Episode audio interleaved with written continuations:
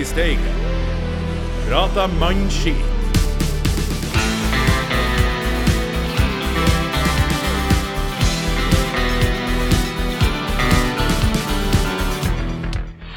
Satan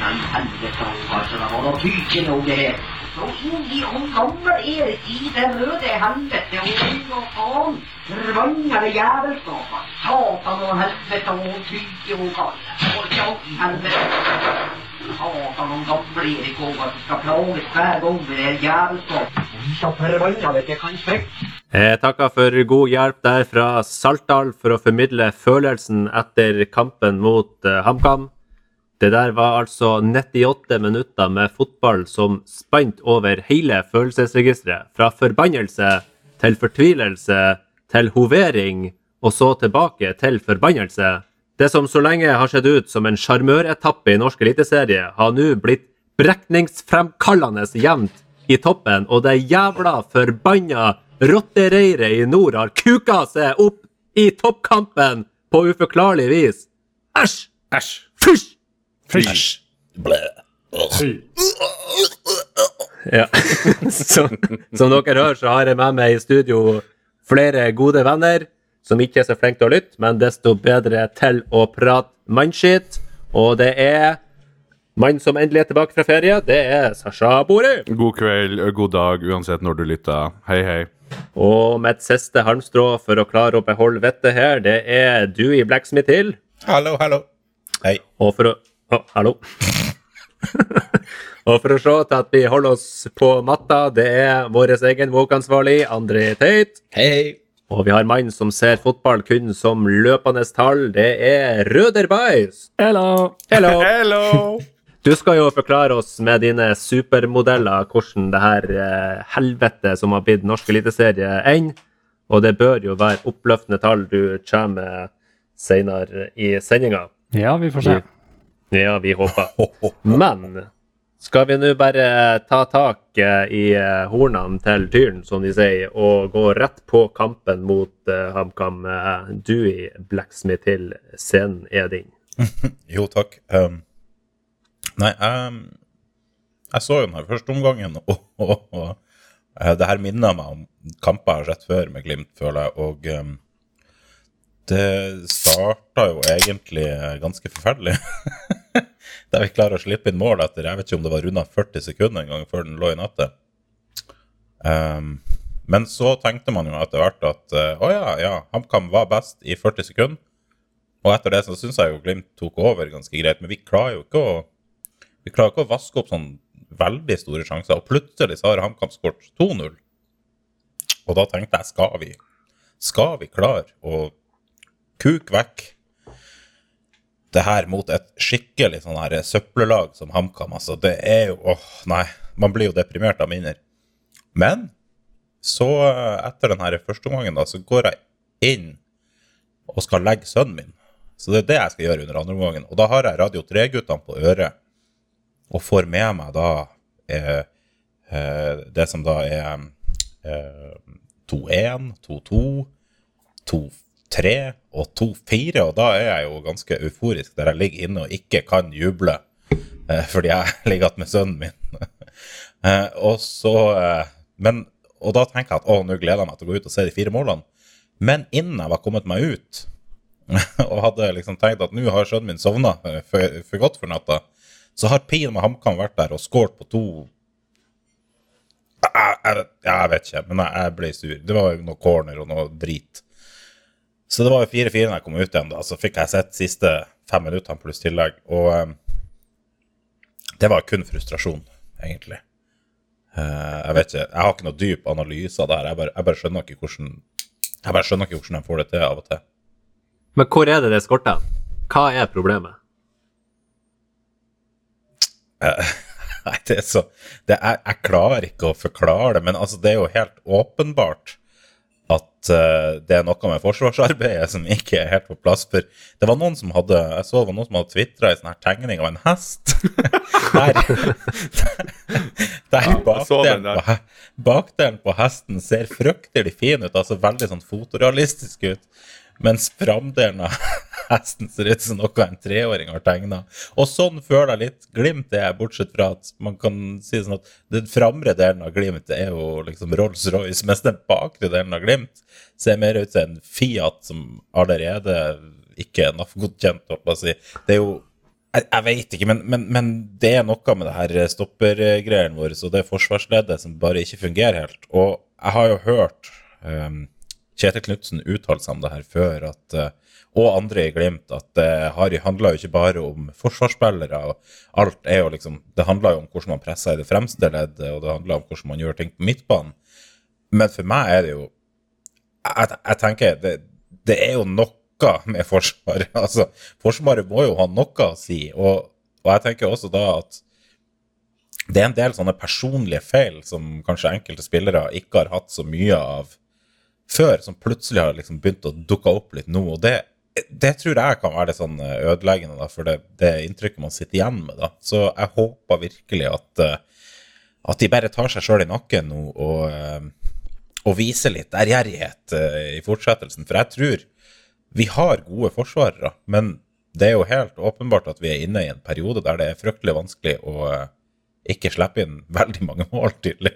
Men eh, du, du, er jo inne på det her med at det er jo eh, stopperne og kanskje keeperen også. Det er vel de tre mest rutinerte og egentlig mest solide spillerne som er på det her Glimt-laget. At det er de som nå svikter egentlig både mot HamKam, men også Vi så jo akkurat samme tendensene mot eh, Sepsi eh, i uka før.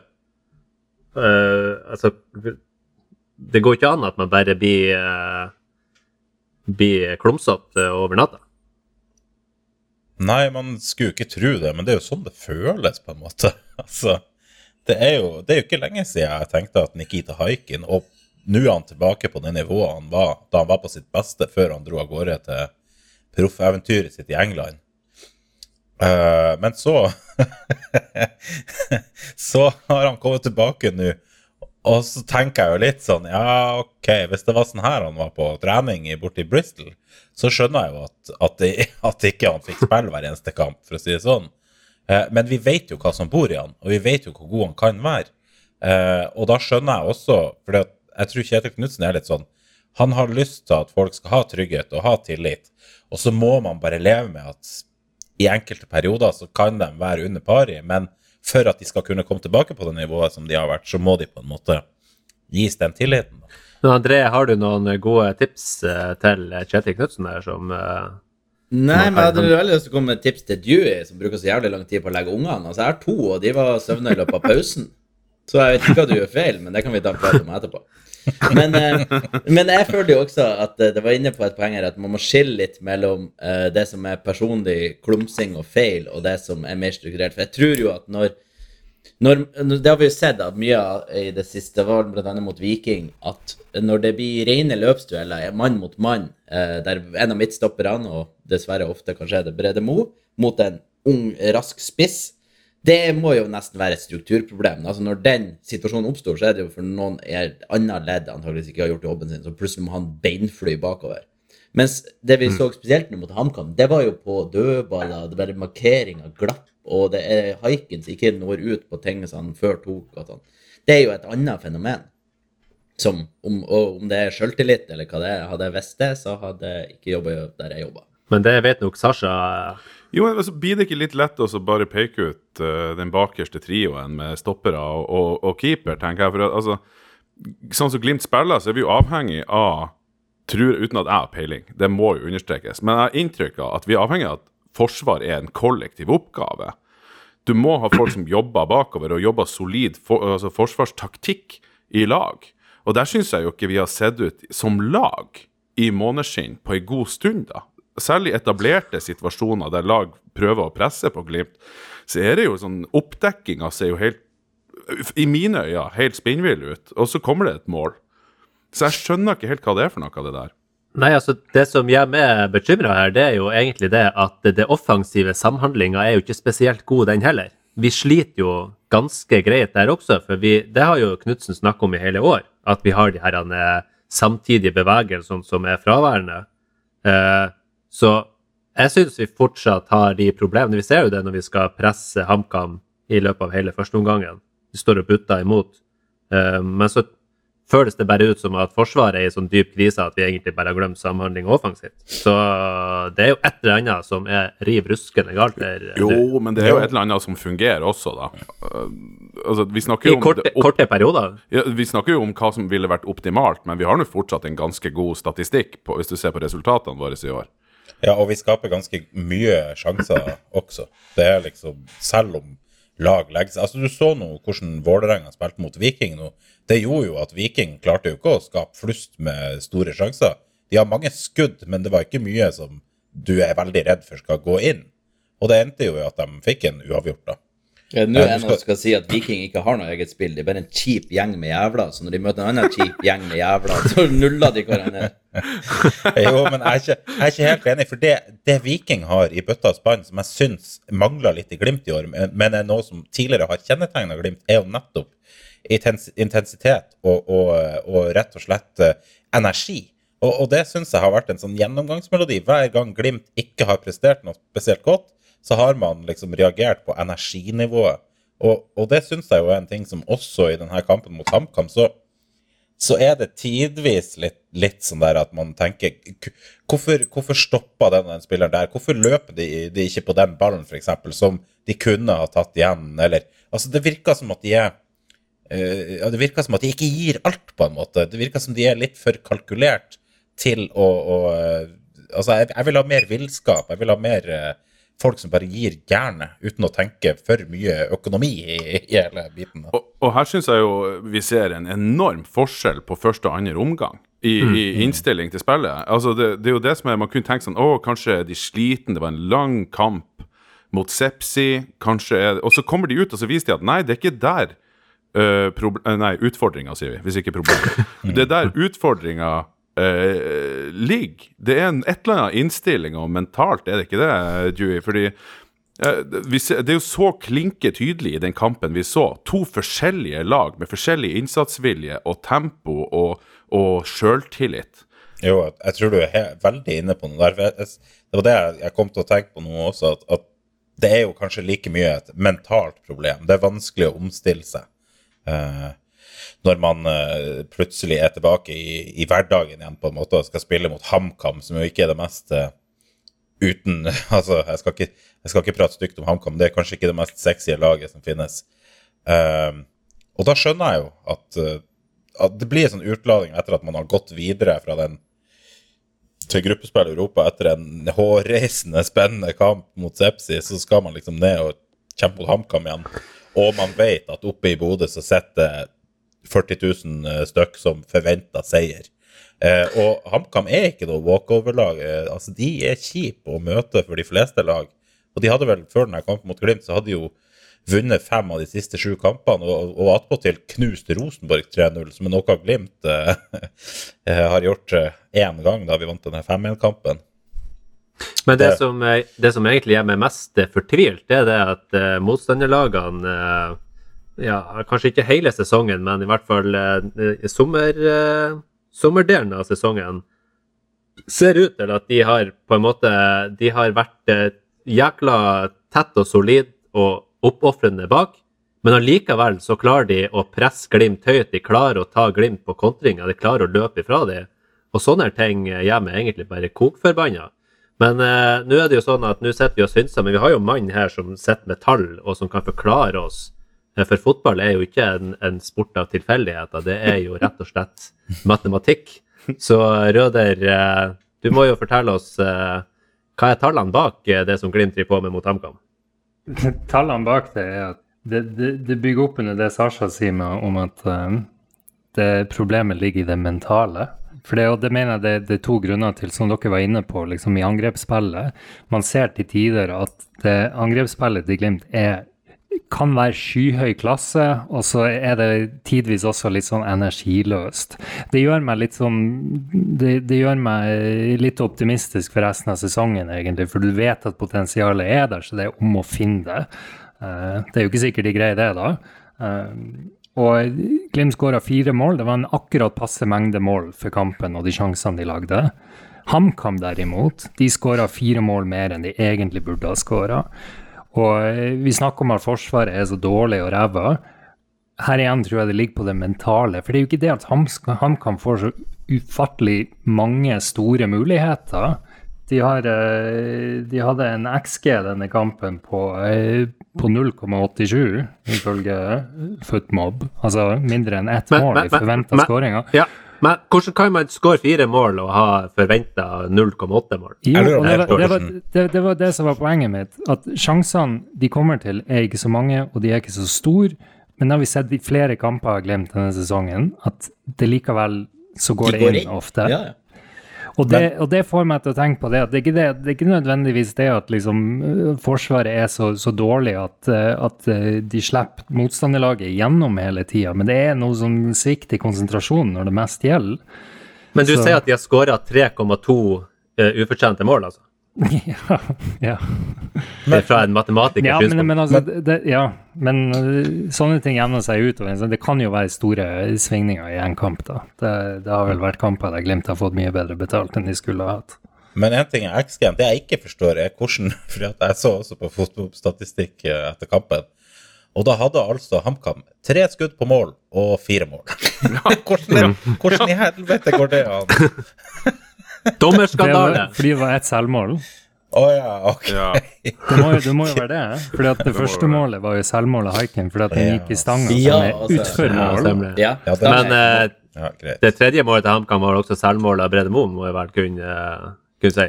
Jo, men det regnes ikke som selvmål når ballen går Nei, mot mål. Hvis det er retning mål, så står skal altså- Men det er klart, hadde ikke Brede Mo stått der, så hadde jo ikke det blitt mål. Men eh, så, altså det Vi kan ikke klandre Brede Mo for at han prøver å klarere en ball. Det blir for Nei. dumt. Ja. Så, Nei, nei, jeg sier bare at de har Ja. to skudd på mål. og der klager jeg heller ikke over Brede Mo, for jeg syns han gjør ikke så mye annet i den situasjonen der enn han kan gjøre. Nei, nei, nei. Eh, Og så er han uheldig, og det må være lov. Men, men eh, det er klart, det er mye annet i forsvarsarbeidet i, i, den, ja, i år som har vært eh, eh, under pari for, for så gode spillere som vi har i det Glimt-laget her. Men eh, Men altså, la oss løfte her opp et, eh, et tak nå. Er vi veldig på banen, men eh, det er en ting som eh, faktisk bekymrer meg aller mest etter denne kampen. Det er jo den tiraden som Kjetil Knutsen kommer med etter kampen, der han fullstendig hudfletta dommeren. Altså, jeg, jeg bemerka jo at dommeren var ganske dårlig, men det var jo flere ganger at HamKam egentlig ble bortdømt òg. Så at dommeren hadde en dårlig prestasjon, kan jeg være enig i, men at det var så inn i gamperæva på Glimt sin disfavør, det, det kjenner jeg ikke på. Nå altså, nå ligger det vel kanskje an til at han får en karantene. Og når vi snakker om det mentale her, altså hva er det Skal ikke Knutsen være mann som skal roe oss ned og få oss til å se, se lys i enden av tunnelen, og ikke bare gå fullstendig i bekmørket? Hvis jeg får lov, jeg er litt, jeg er litt delt på akkurat det der. for at Før så syns jeg alltid det var veldig kjipt når, eh, når Kjetil Knutsen gikk ut og liksom klaga på ting, om det var dommeren eller overfall i garderoben eller uh, hva det skulle være. Om det var motstand eller noe sånt. Så jeg tenkte jeg oh, nei, nå får, får alle de andre lagene sine supportere liksom mer piss og, og sleng mot Glimt. Nå er det nesten bare litt gøy, for nå blir det mer. Bare, bare, bare, bare gi dem mer. La dem få klage, la dem, la dem få sutte, la dem få bli enda mer sur på Bodø-Glimt. Jo, men eh, hva, hva er track recorden til Glimt med Morten Karvenes som Det eh, er 0-4 på Stadio Olympico. Ja, så hadde han og, vært Klaksvik var vel også oh, ja, stemmer Men det. nå ja. skal vi heldigvis bare til Lerkendal, så det blir jo gå helt fint. Hei, hei, hei. Oi, oi, oi. Men for å være litt seriøs, da. Det, ja, han kan godt slutte med det. Jeg syns For at vi, vi, vi snakker om eh, det som ikke funker, og vi, vi syns det ser ut som at det er litt mangel på fokus og eh, det mentale som, eh, som skorter litt her og der. Og da kan jo sjefen sjøl gå frem med et godt eksempel. Får ikke Ja. gjort noe med dommerne uansett. Men samtidig, hadde han, eh, hadde han bare latt det skure og gå og sett fullstendig apatisk ut, så hadde man jo òg blitt bekymra. så jeg er litt sånn Jeg er også, i likhet med deg, litt delt. Eh, fordi at det er liksom Men jeg syns jo eh, Sånn som det som du nevner med at uh, da går alle andre fans apeshit med en gang. Og det syns jo jeg, fordi at Kjetil Knutsen er ikke den første uh, treneren i år som har slakta dommeren etter at uh, hans, ifølge, ifølge han, hans lag eh, har blitt bortdømt. Det er det mange trenere som har gjort i år, men det er kun Kjetil Knutsen som får beskjed om at han er sutrete og Ja, fra for at andre Kjetil fans. Knutsen sitt lag ligger på førsteplass på tabellen, og Ja. de eh, Men, men, men, men, men eh, Sasha, ble Kjetil Knutsen og Glimt bortdømt? Vet du hva, det har ikke jeg øyne til å se. Uh, han klaga jo på det her, at det burde vært frispark i omtrent alle ting som ble corner, er det ikke det? Som er liksom hovedpoengene. hans. Det, det der skjønte ikke jeg så jævlig mye av. ting som ble corner. Nei, Ja, at han mente at på, de hadde noen lange innkast i forkant der det var dytt på Ja. Glimt-spiller som gjorde at det gikk ut til corner. Nå Ja. blir vi veldig fotballtekniske her. Ja. Men, Ja, eh, ja. det, det, Det må vi ikke bli. Nei, det må vi for guds skyld ikke bli. Men, eh, men eh, det jeg tenker på, det er jo at uansett som Jeg skjønner hva dere sier, både for og imot. At det er godt at det er litt tenning, og at man ikke ser apatisk ut, osv. Men kan, det man helt udiskutabelt kan si, er jo at pipa har fått en jævla annen lyd enn vi fokuserer bare på det vi kan gjøre noe med. Hele mannsverkmentaliteten. Og det er det som skremmer meg mest med det. Yep. Yes. Men uh, André, jeg har uh, nu, Altså, nå Jeg må bare ta rollen som den idioten uh, fra podkaster som vi ikke liker å sammenligne oss med. Men jeg må bare stille spørsmålet. Har Kjetil Knutsen i år kjøpt seg et lag i stedet for å ha bygd seg et lag? Um, ja, da er det jo i så fall ikke bare i år. Uh, for, og, og det vi faktisk har fått nå i høst, er jo spillere som Sondre Sørli og Sondre Brustad Fet tilbake, som er det opprinnelige laget han prøvde å bygge. Så, men ja, det har jo vært mye utskiftning. Men det har, hatt, det har jo vært hvert jævla år siden 2019 det, at det har vært uh, store utskiftninger og nye inn. Men at det kanskje ikke har gjelda like godt i år, jeg vet ikke. Men jeg føler litt at det vi ser nå, og det med Kjetil Knutsen Det ser vi muligens en gjeng som bare har vært altfor lenge oppå hverandre. Jeg tror alle har djevelsk godt av en landslagspause og noen lange turer på Keiservarden og på Ulriken for, eh, for Kjetil sin del. Så kommer de tilbake Å, herregud, han. Ulrik skal få kjørt seg. Skal Kjetil Knutsen, Kjetil Knutsen skal opp på Ulriken. ja. Alle skal på Ulriken. Det høres jo kjempetungt ut. Beklager, noe kontekst. Så bor eh, enkelte av oss i Bergen. Eh, der har vi et fjell. Det heter Ulriken. De bruker å spille sitar okay. der Å, jeg trodde du mente han Saltnes. ja, det. Ok, men eh, da må vi jo prøve å få noen bilder ut av hodet her på lytterne. Men nå, vi har snakka veldig mye fotball. Det var bra at Sasha tok oss ned på rett nivå igjen. Han, han tok deg fra opp, ned fra Ulriken og ned på Saltneset. Men, men Ja, uansett, landslagspause, det er godt. Det kan vi godt trenge nå.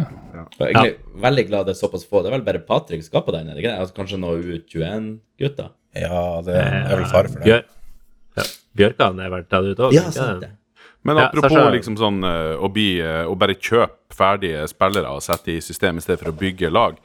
Det, vi har jo fått noen sterke signaler de siste ukene på at det tenkes litt annerledes med to lokale gutter, nemlig Stian Kristiansen og Oskar Kapskarmo, som er blitt Oi, du sa Du kunne navnet hans? Jeg har telefonen på sida av meg her. Jeg trodde det var Kapskarmo. Kapskarmo. Men-. Kapskarmo. Kapskarmo. Han er, han er nok uh, linka til Olchise. Men ja, Det, det er jo back to the roots, det, på en måte. Der vi henter fra lavere divisjoner og skal prøve å, eh, å lage ok fotballspillere ut av dem. Selv om ja, så, det er jo så, så teorien er altså at uh, i ren desperasjon over at de her storsigneringene ikke har fungert, så bare tenker OK, hva faen? Uh, hva var suksessoppskriften? Jo, vi henta ukjente navn eh, fra uh, hiten og tiden. Stig Johansen Kan- fra Lofoten osv. Men, Ja. men der er jeg uenig, Ruben, for at de storsigneringene har ikke vært dårlige. Altså, Nei, eh, Albert Grønbæk har vært en av våre beste. Jeg syns Ja. Mombanya, etter en kanskje litt sånn treg start, har Han er farlig, god spiss. Ikke Ja. den beste vi har hatt, men han er god. Ja. Og eh, For det er lite, lite valuta for pengene på Omar, da, men eh, det kommer vel kanskje Ja, men eh, vi får jo tro at han ikke har skada seg med vilje. Så, Men også tror jeg ikke han Jeppe Kjær blir solgt for 200 millioner i år. I år. Nei. Det var jo noen som Vi hørte jeg, tidligere. ja, jeg, må, jeg, må, jeg må justere den til neste år. Det, det skjer jo litt sånn eh, andre ting. Men kan vi bare alle tenne et lys for Sondre Sørli?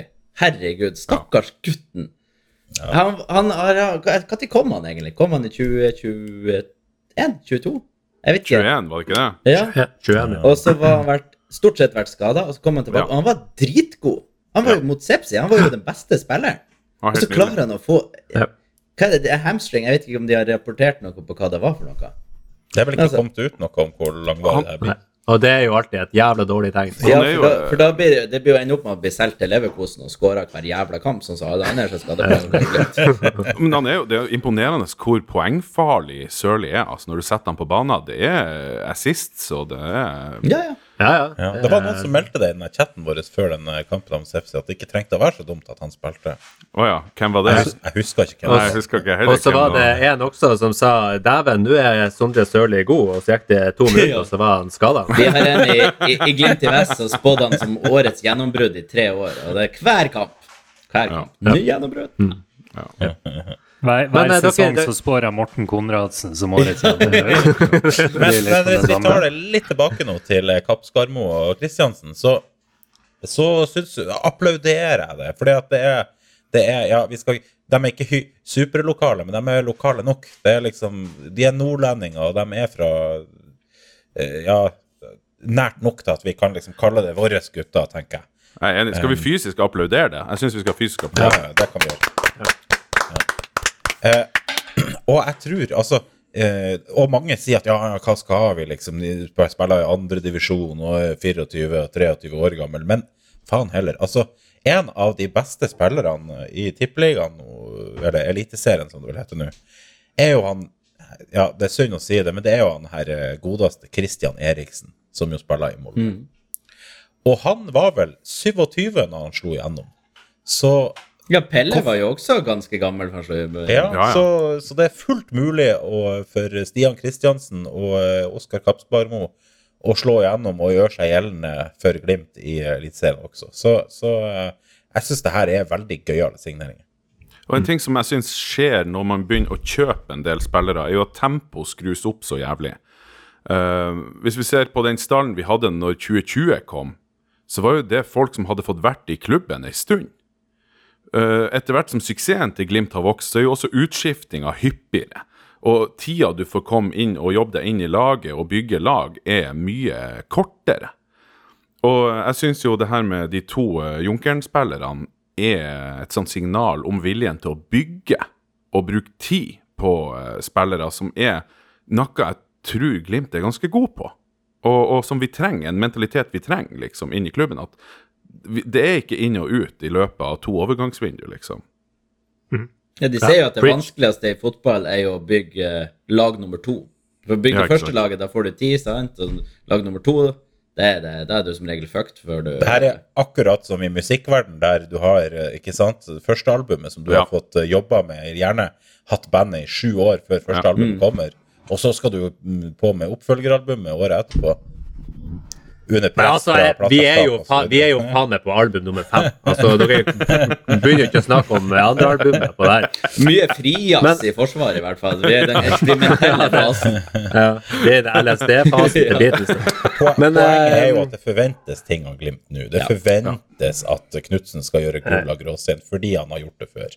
Ja. Eh, og så er det jo sånn at eh, det er, jo ikke, det er jo ingen garantier for at Kjetil Knutsen skal klare å lage et 2020-lag igjen. Altså, det, er jo, det er jo egentlig utopi å tro at det skal skje. Men jeg er fullstendig sikker og trygg på at Kjetil Knutsen kan vinne Eliteserien igjen med Glimt. Han kan gjøre det i år, og han kan gjøre det til neste år. Men, men eh, det er jo ingen garantier. Ja, vi, vi, vi må, eh, må eh, gå litt tilbake, for det har jo- ikke bare vært sorgen og tristhet den siste tida. Vi har jo hatt en kamp mot Sepsi som uh, ble sjokkerende jevn. Og eh, Sasha, du hadde vel en følelsesmessig kollaps der? eh, Ja. Jeg har jo vært på ferie, men jeg må si de to siste kampene her har jo tappa meg. Jeg må jo ligge på et mørkt rom fremover, fordi altså, Sepsi-kampen spesielt følelsesmessig var altså en sånn berg-og-dal-bane. Og, og det var en sånn spenning og en sånn puls jeg hadde gående utover der, spesielt første ekstraomgangen. Uh, det var altså helt ulidelig. Så når de blåste av første Jeg må innrømme, første ekstraomgang ble blåst av, da rant tårene her, altså. For det var uh, Herregud, for en kamp. Men det endte jo bra, og det ble jo trekning dagen etterpå, eh, på fredag.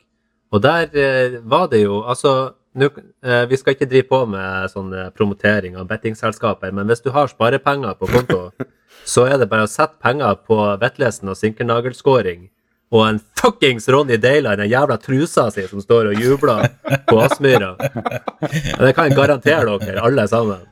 Ja, men jeg vil heller, jeg vil heller at Sinkernagel og Vetlesen skal senke oss, enn at det er Antonio Nusa, eller hva han heter, som setter inn tre mål. Så ja, hvis jeg må velge. Ja, det, beste, det beste er vel å vinne, kanskje. Jo, det er jo selvfølgelig, selvfølgelig. Men altså, Klubb Brygge er jo Det er jo eh, Det er kvalifisert motstand, tror jeg vi kan si. Ja, og vi må vel anta at Besiktas også uh, vet hva de driver på med. Det blir i hvert fall en bortekamp som blir uh... Ja, det blir en minneverdig bortekamp. Jeg tror altså Besiktas skal jo være et betydelig dårligere lag enn Galatasaray Galata, Galat, Galaf... Av alle Galatasaray! Galatasaray. Gala- Galatasaray! Galatasaray skal jo være et betydelig bedre lag enn Besjiktas, visstnok. Ja. Ja, og Galatasaray var Molde. dårlig.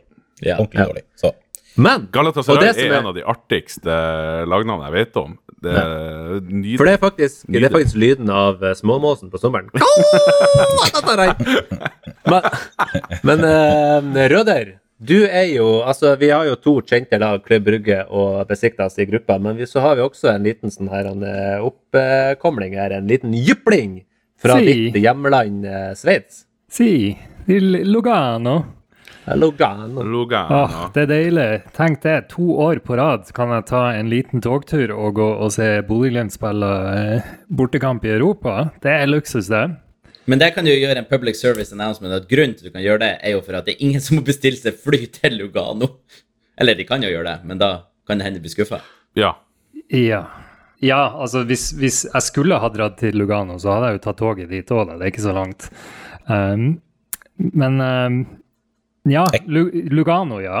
Det, det det, er fint der, er det ikke det?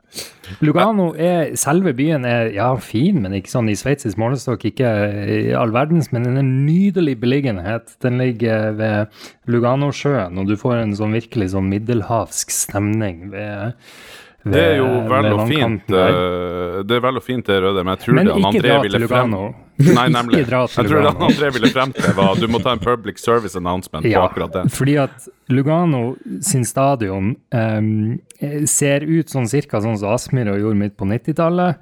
De, de har ikke lov til å spille europakamper der, så den kampen blir spilt i Zürich på Letzigrund. Altså samme stadion som Glimt møtte FC Zürich på.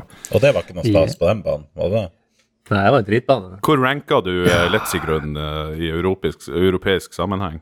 Sånn helt objektivt sett så er det kanskje ikke verdens dårligste fotballstadion, men altså i mine øyne så er det Jeg blir så provosert av den stadion der. Er det Den- ikke sånn 70 000 meter med løpebane? For det er, det er en friidrettsstadion. Den stadion er jo mest kjent for å ha eh, Diamond League-stevne. Og eh, også de idiotene som bygde den stadion, de tenkte det at nå skal vi lage en sånn, sånn fin sånn bowl med 25 000 seter, og det ser jo egentlig ganske bra ut. Og så skal vi ha tak overalt, men så driter vi i å lage vegger bak. Så vi lar det være helt åpent bak, som mellom, eh, mellom setene og taket, sånn at all lyden bare forsvinner helt ut i løse lufta.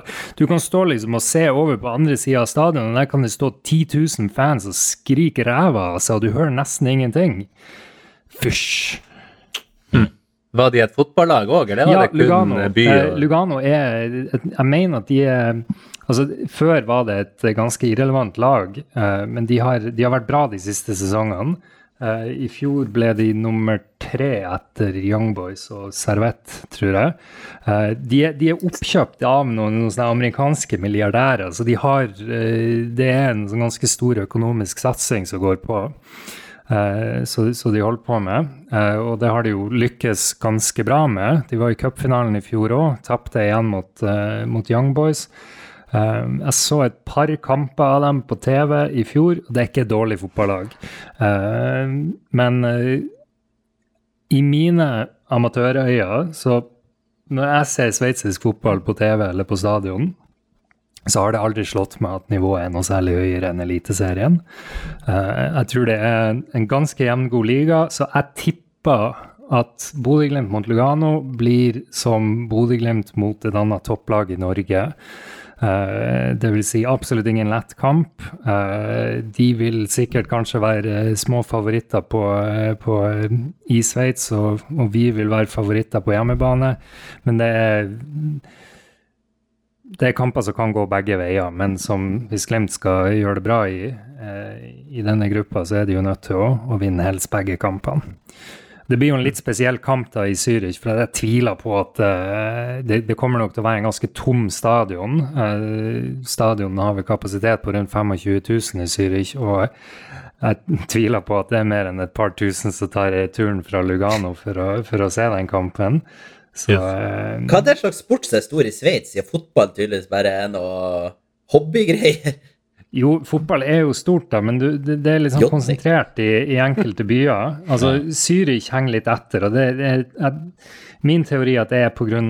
dårlig fotballstadion. og Det har de holdt på med i flere tiår og, og planlagt og, og, og bygge ny, ordentlig fotballstadion, men fordi at Kan det også være verdens første biodynamiske Nedgravde nedgravde luftslott? Men, byråkratiet i Sveits er fascinerende noen ganger. Jeg tror det har vært ca. fem folkeavstemninger om denne fotballstadion. med sverd. og- Hadde de hatt folkeavstemning med sverd? Ja, Var det bortimot. noen som havna i elva? Skal de bygge den på noe jordvernområde? Nei, jeg mener de har tenkt å bygge den hele parkeringsplassen. men altså Er det et fullt var- Helsehuset må vike. ja, ja, ja. Er derfor de flytta ned til Sveits Ja, ja. Det er for at de skal eh, Bygge Lettsikkerhet, Ja.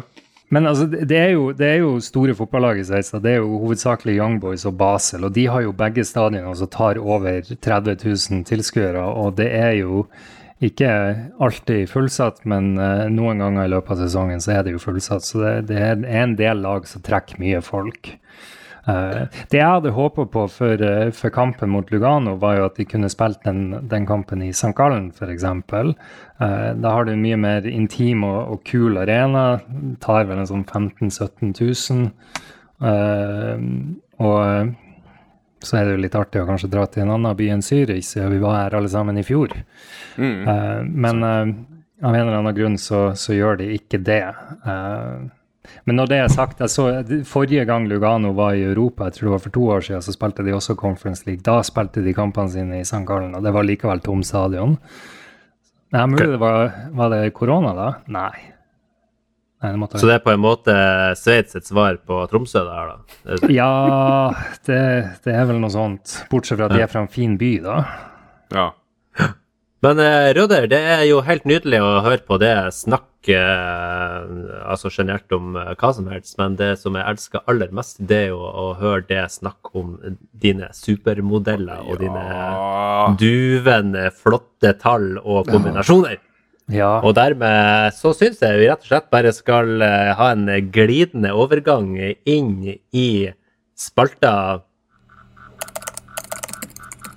Røders regneark. Da er vi rett inn i eh, Røders regneark, og Røder kommer Glimt til å vinne Eliteserien. Gi oss svar. Jeg er delt. Regnearket sier ja. Mest sannsynlig blir Bodø-Glimt å vinne serien i år. Jeg føler jeg, liksom, jeg vet ikke helt hva jeg skal føle når jeg ser uh, de tallene. pep. Altså, hei. Har, du, har du begynt å få fornuft og følelser inn i regnearkene dine? Ja, men men det, det som er litt spesielt, det er det at når du ser på tabellen, ikke sant, så Bodø-Glimt og Viking er helt likt med poeng. Og vi som er Uh, vi som er Glimt-supportere, vi ser at Bodø-Glimt er liksom ikke helt det som vi kanskje har forventa de skulle være på denne tida av sesongen. At uh, liksom det, det butter litt, og så sitter sikkert Viking-supporterne og tenker litt å, den her flyten her, den kommer aldri til å vare. Ikke sant? Og det gjør den jo ikke. Den er jo allerede brutt.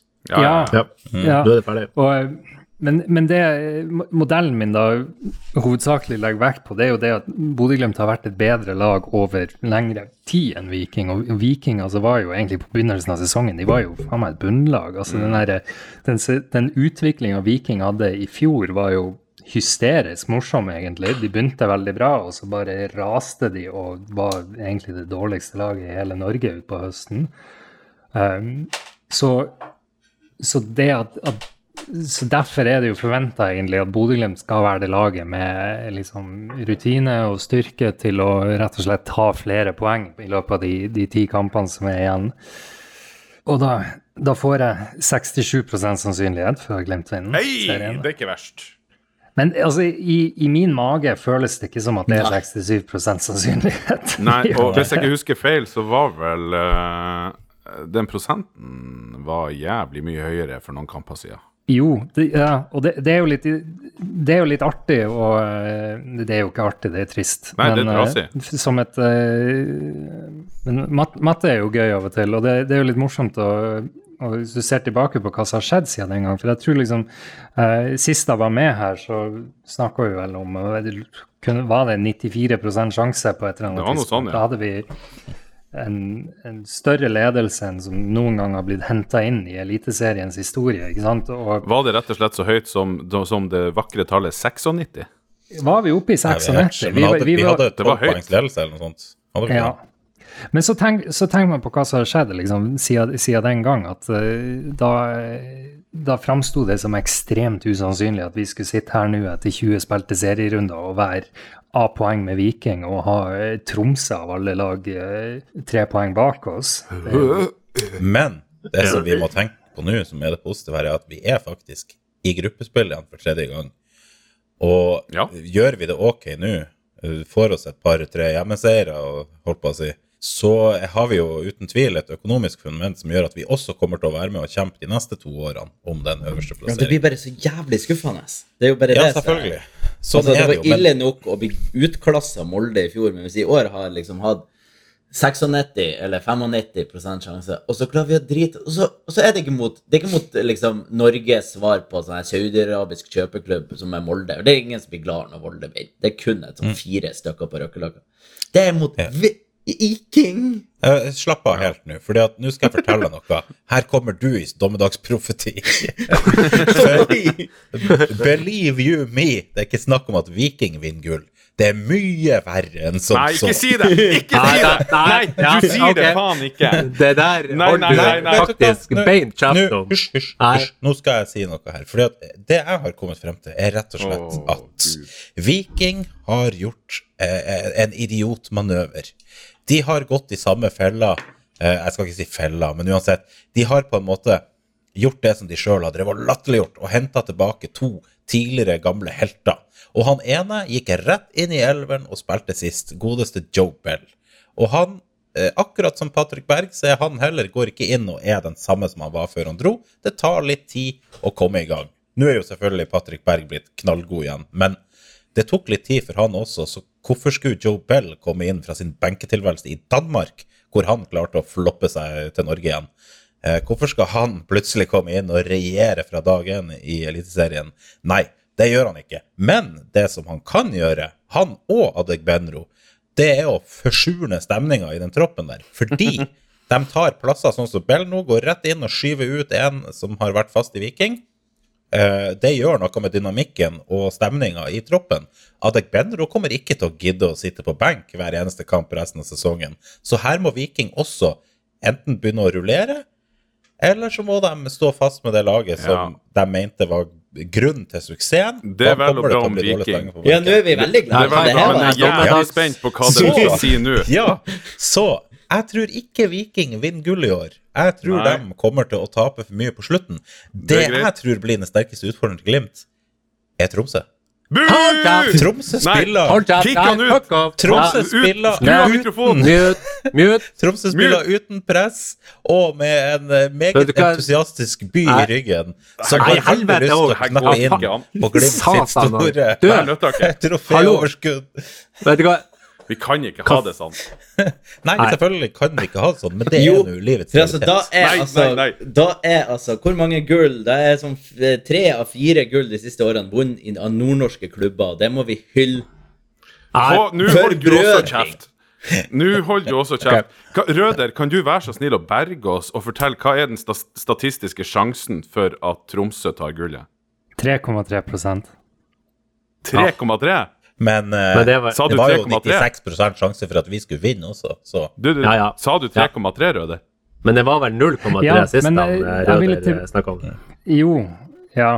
Uh, men altså, tenk på i, For ei uke siden så, så drev Tromsø og tapte 4-0 mot Sarpsborg. Det er jo helt Det vil jo være totalt uverdig for en, en seriemester. Altså, de, Tromsø blir ikke seriemester. Men det jeg skulle si, at for, noe, for en stund siden så sa jeg 96 sannsynlighet for at, eh, at eh, Glimt vant serien. Og så, så vil jeg litt frem til hvor usannsynlig egentlig uh, det som har skjedd frem til nå, har vært. Um, for uh, hvis du tenker på, på de kampene Glimt har spilt, hvis du bare tar liksom de, de tre nøkkelkampene som var mellom de, med, med, de andre to topplagene, altså da Viking, Tromsø og, og Molde på de tre kampene fikk vi ett av ni mulige poeng. Hvis du skulle regne sannsynligheten på det, ville det ha vært veldig lavt. Og når du da tar med eh, Strømsgodsekampen og tap, eh, ja, poengtapet da mot, eh, mot HamKam i siste runde, så det er en kollaps vi snakker om. Altså Poengmessig er det helt klart en jævlig stor kollaps som, som Glimt har gått på. Det er helt usannsynlig, egentlig. Hvis du, hadde, hvis du har stått på starten av denne rekka og sagt at Glimt kommer bare til å ta Jeg vet ikke hvor mange poeng vi har fått på de her kampene, men altfor få, ikke sant? Det, det ville ha vært veldig lav sannsynlighet for. Og når du da ser på Viking, f.eks., som har klart hva, ti, hvor, hvor, hvor, mange fikk de til slutt? Fikk de ti kamper, ti seire på rad? Ti eller elleve seire på rad, ja, noe sånt. Det, det, mm. Hvis du regner sannsynligheten på det, hva er sannsynligheten? For at hvilket som helst lag skal, skal få eh, ti seire på rad, den er jo nesten null. Dette er jo ei rekke som blir å stå i vikinghistoria i sikkert i 100 år. Og, eh, og, og, det er jo ikke mange altså Bodø-Glimt klarte det, Molde klarte det i fjor, Lillesand klarte det når det bare var sånn Sør-Norge-serie eller noe sånt. Det er de, de, de lagene som før mm. Viking har klart ti kamper i strekk, uh, ti seire på rad. Altså Selv ikke Rosenborg, i, når de dominerte i forrige årtusen, klarte, klarte sånne rekker. Så det, det, sier jo litt om hvor ekstremt sjeldent det er. Molde klarte 17 i fjor, da. ja, det var vilt. ja, det var vilt. det var vilt. Men for det er jo, eh, Jeg har jo også et par vekttall i statistikk, og det er jo et begrep som er 'reversal to the mean'. Og det er jo det vi må håpe på, rett og slett. At ditt, at, uh, hæ? eh, hva, hva det blir på norsk? Reversering til gjennomsnittet? Altså at, eller til normal? Okay. Ja, det, ok, ja, men det tok jo ja. virkelig klarna opp. Jo, men for poenget, sant? Glimt har hatt en unormalt dårlig periode. Viking hadde en unormalt bra periode. De to tingene statistisk sett skal slutte på et eller annet tidspunkt. Og da går de begge mot normalen. Normalen er at Glimt tar flere ja. poeng, Viking tar færre poeng. Og så hva normalen er for Tromsø, det, det må nesten en psykolog svare på. Men eh, mm. Ja, men, uh, men, det var jo egentlig det mest oppløftende jeg har hørt, at uh, jævelskapen tar slutt ja. på et eller annet tidspunkt. Men også ifølge den så skal jo Glimt slutte å være god på et eller annet tidspunkt. For det normale er at vi Så, Nå er det faen meg nok. det her var faktisk det mest nedtrykkende driten jeg har hørt på lang, lang tid. Dæven glede til historiske Glimt. Oi, oi. oi, oi, oi. Okay. Men, men, men ja. Um, det som jeg skulle si, er at ja, jeg tror Tromsø tar gull. Uh... jeg gidder ikke. Jeg gidder ikke, ass. Nei. Heldig, uh, heldigvis så får ikke Kasper Jo, faen, han får jo medalje. Helvete. altså, nå handler jo denne spalten om Røde sitt regneark. Kan vi være så snill å bare snakke om det, og ikke det antagelsene ja. om uh, Røde, nå får du Jeg mener vi er på hva med de andre lagene, er vi ikke det? Nei. Jeg, jeg, tror vi mista linja til Sveits. Jeg tror han ga opp. Ja, nei, eh, vi, uh, vi sier faktisk Vi slår strek over hele det der jævelskapet som nettopp ble ramsa opp i løpet av ikke 20 minutter med mannskithelvete. Ja. Uh, og så tenker vi går over til noe mer uh, lykkelige uh, dager, fordi at vi har jo Omarsangen er ferdig! Nei, yeah! det er ikke ja. Sasha skal presentere Omars Ikke? Nei. Jeg har jo kommet rett fra ferie. Jeg må ha hva heter det, planleggingsdager.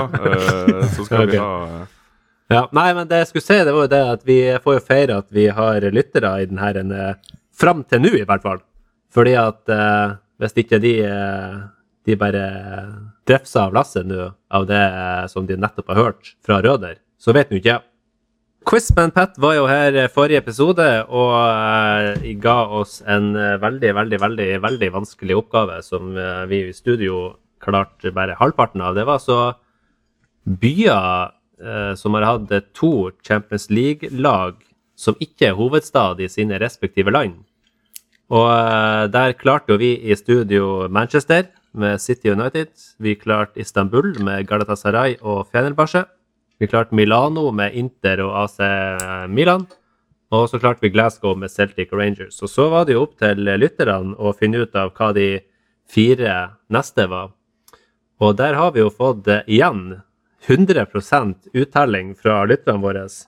Det er jo noen ekstremt eh, fotballkyndige lyttere vi har. Eh, utrolig nok, skulle man ikke tro.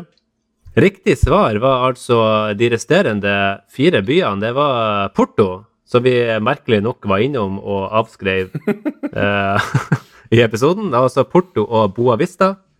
Og vi har eh, Tel Aviv, som merkelig nok eh, regnes inn i den europeiske turneringa Champions League. Den var Kabi Haifa og Hapoel. Og så var det Sevilla med Real Betis og Sevilla. Sevilla. Og Se... Ah ja, OK. Sevilla. Mm. Og da har jeg igjen eh, dratt inn eh, lykkehjulet vårt. Oh. Og her har vi altså navnene på alle de som eh, har svara riktig. Her snurrer lykkehjulet, og da skal vi finne ut hvem er det som vinner noen nydelige ølbrikker i dag. Og for lytterne, bare så vet jeg, det er faktisk et lykkehjul som spinner. Nå får jeg epilepsianfall Ja. her. Det er, Det er- Oh, det her, det Kjetil Kjetil Tømmervik! Tømmervik! Kjetil Tømmervik. Han, han svarer riktig. Og uh, Sasha, du er jo vår uh, ansvarlige for å sende ut uh, ølbrikker. Og nå har jeg jo uh, på en måte brukt de siste 14 dagene på å stagge aggresjon eh, blant eh, noen navn som har gått igjen i poden her, som har eh, blitt utkåra som vinnere, og som ennå ikke har sett snurten til ølbrikkene. Mhm. Ja. Ja. Er det Er de lagt i samme skuff som Omar-sangen? Nei, altså, eh, jeg har vært på ferie. Eh, Ja, det har du sagt. Ja. Og når jeg er på ferie, så eh, jeg gjør som jeg, som jeg gjør med resten av livet. Jeg lever hardt, og jeg jobber hardt, og så ferierer jeg hardt. Så jeg har faktisk ikke fått fingeren ut av ræva. Men jeg sitter her nå, guttene kan verifisere at nå holder jeg opp en pakke med konvolutter. Og jeg har også datamaskinen min stående oppå ølbrikkene, faktisk. Så det her skal komme ut. Jeg har laga et fint lite diplom dere skal få. Eh, med ølbrikkene eh, som takk for bidraget. Og for de som lurer Det er det som har tatt sånn tid. Sasha jobber i Post Nord, det er jo helt åpenbart. Ja, du er ikke Post Nord her for å forsvare seg, så OK, nei, men eh, Kjetil Tømmervik, eh, du eh, må gjerne sende adressen din eh, på, eh, på de ulike måtene du kan nå oss på. Sikkert samme måten som du nådde oss på for å sende inn svarene. Ja. Jeg gidder ikke å ramse opp alle mulige måter, det begynner jo å balle på seg. Uh, så uh, takk, og Quizman Pat har jo allerede meldt at en ny quiz er under eh, konstruksjon. Så her er det bare å følge med og vente i spenning. Ja. Men uh, da skal vi inn i dagens siste spalte, og det er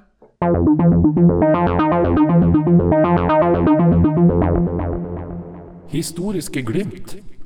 Og der er det vår eminente walk-ekspert André Tate som skal dra oss gjennom historiens arkiver. Ja, tusen takk for det. Jeg er jo veldig veldig beæra for ansvaret for denne spalten, som jeg hadde ansvaret for en gang før. Da syns jeg sjøl det gikk jævlig bra, men mensverk kutta vekk nesten alt i sjalusi. Så vi får se om dette blir værende her.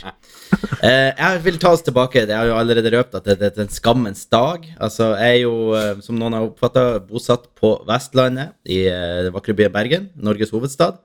Um, og her har jo Glimt dessverre en ganske trist historie. Vi skal tilbake til 17. april 2006.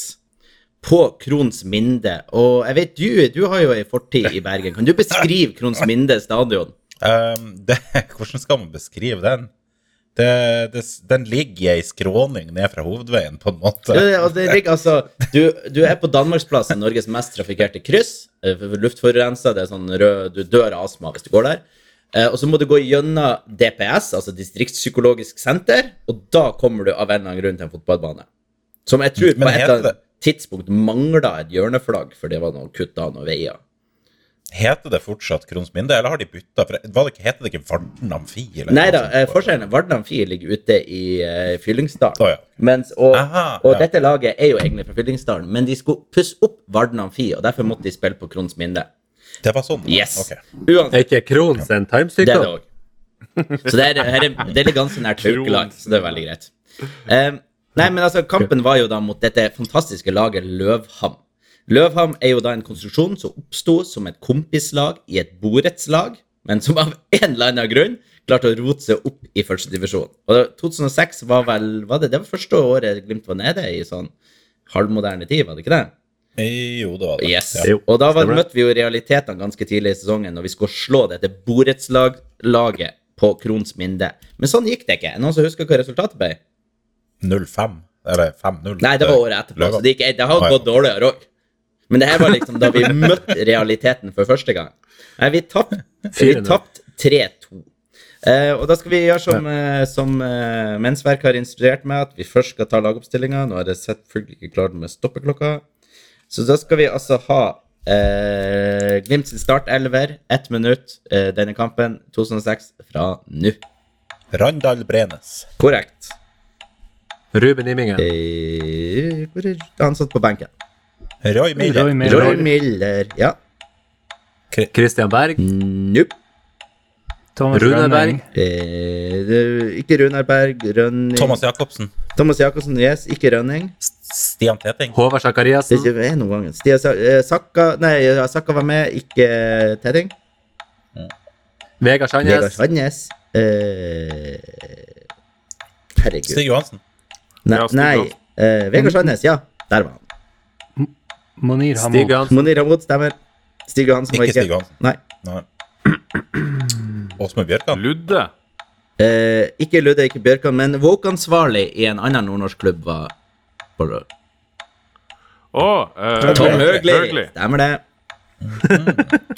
Da er det tre, fire dere ikke har. Nei, det er Pavel, Pavel London. Nei, og der var tida ute. Ok. Eh, det dere mangler eh, Dere klarte faktisk 1, 2, 3, 4, 5, 6, 7. Det er ikke så verst. Eh, I mål Ola Arvid Langnes.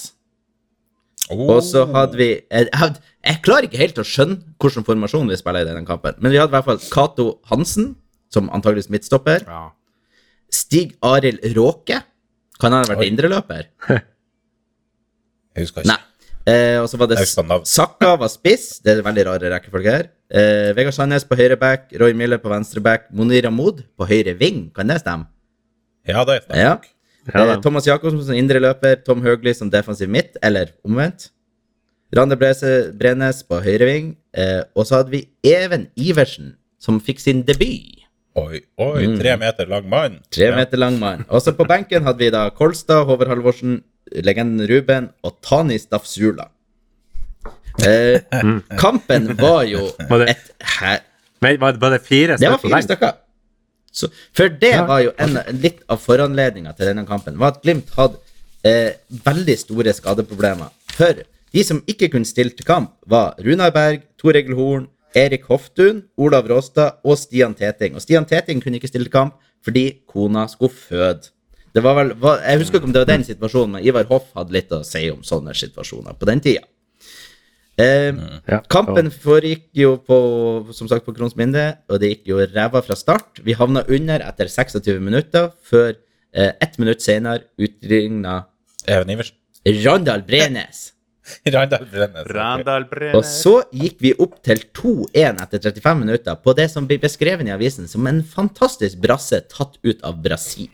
Ja, da var det Even Iversen. Det var også Randal Brenes. Å ja, ok. Eh, men så snudde igjen eh, Løvham det med to kjappe mål av eh, Jan Ove Vik og Ørjan Låstad, og vi tapte rett og slett 3-2. Eh, det avisen skriver om eh, kampen etterpå, på, var at det var svakt over hele linja, og at Løvham var nærmere 4 og 5 enn Glimt var utligning. Eh, og eh, Cato Hansen hadde ei litt original unnskyldning for hvorfor det gikk som det gikk. Han mente rett og slett at det var ballen som ble brukt, som var skyld i pasningsfeilen. For Glimt var vant med å spille med Jeg tror det var Umbro, mens eh, Løvham fikk lov å stille med en Adidas-ball. Og Cato Hansen mente at de måtte ha standardballer også i førstedivisjon. Ja. Så det var gode unnskyldninger på den tida òg. Ja, Ja da, standardballer, det skulle alle ha. Pump dem opp. Ja, pump dem opp og stikk dem inn. Stikk dem inn. Ellers, er det noen som husker hvordan det endte i 2006-sesongen? Ja, og skogen. Ja, vi røkka ikke opp. Vi røkka ikke opp. Sesongen ble spesielt mot slutten prega av økonomisk kaos, og vi endte opp på en femteplass og var langt unna både direkte opprykk og kvalik. Var det da han Ernst Pedersen ikke drev med tusk og tull og tøys? Han har aldri drevet med tusk og tull. Jeg var russ det det. Nei, Jeg huska så lite. Ja. Det var- Det var i lang Ja, for jeg mener hus Ja. For det var vel omtrent på den samme tida som her, den italienske U21-spilleren skulle komme. Var ikke det? Nå er det mulig eh, at det blir store reaksjoner her, men eh, jeg mener det var noe tull med det det først. Capscarmo? eh, Ja, Capscar- ja, det var, det var prestisjesignering for Ernst Pedersen av en italiensk U21-landslagsspiller, ja, og så gikk det Ja, ja, så gikk det noen eh, måneder eller uker, og så var det vel fullstendig økonomisk kollaps. Eh, men eh, det var ikke pga. Ernst Pedersen, det må jo sies. Han er ikke her for å forsvare seg, så Jep. Nei da. Nei, men uh, som sagt, som for mange av oss så var jo det her når vi spiller mot et lag vi aldri hadde hørt om, og allikevel klarte å tape, det var da vi skjønte Vi er faktisk et til og med ganske dårlig førstedivisjonslag. ja. Det var artige dager uh, i 2006, men 2007 ble jo Enda verre. så meget bedre. Ja.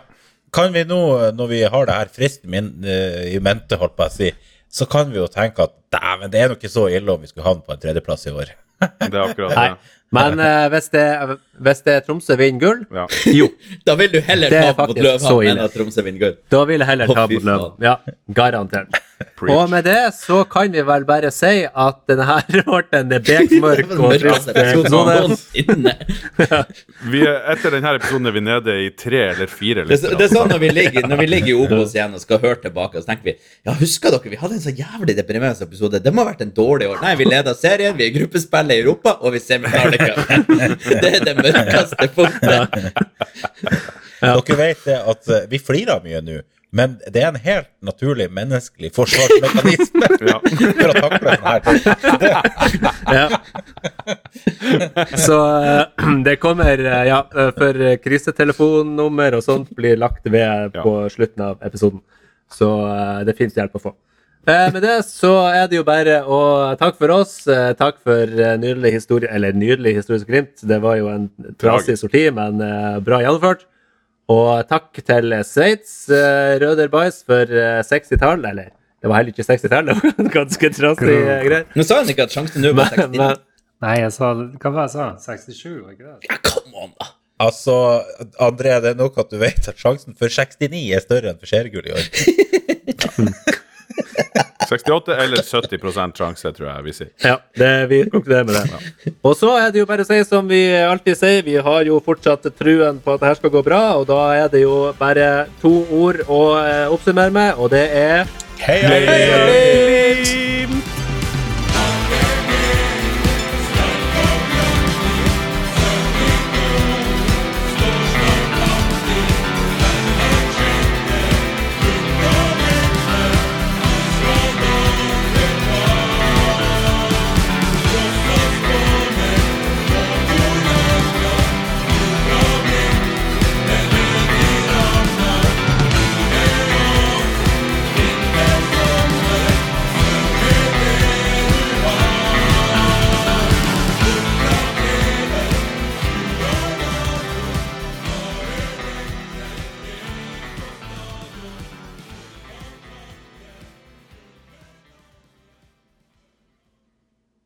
Altså, mobilen min Det går veldig fort når jeg prater om hvor bra Glimt har gjort det. Og Viking og 3 sjanse for å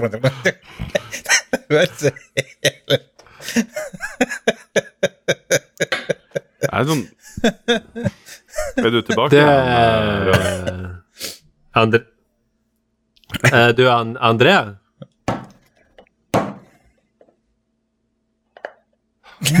Det blir spennende å høre episoden i morgen.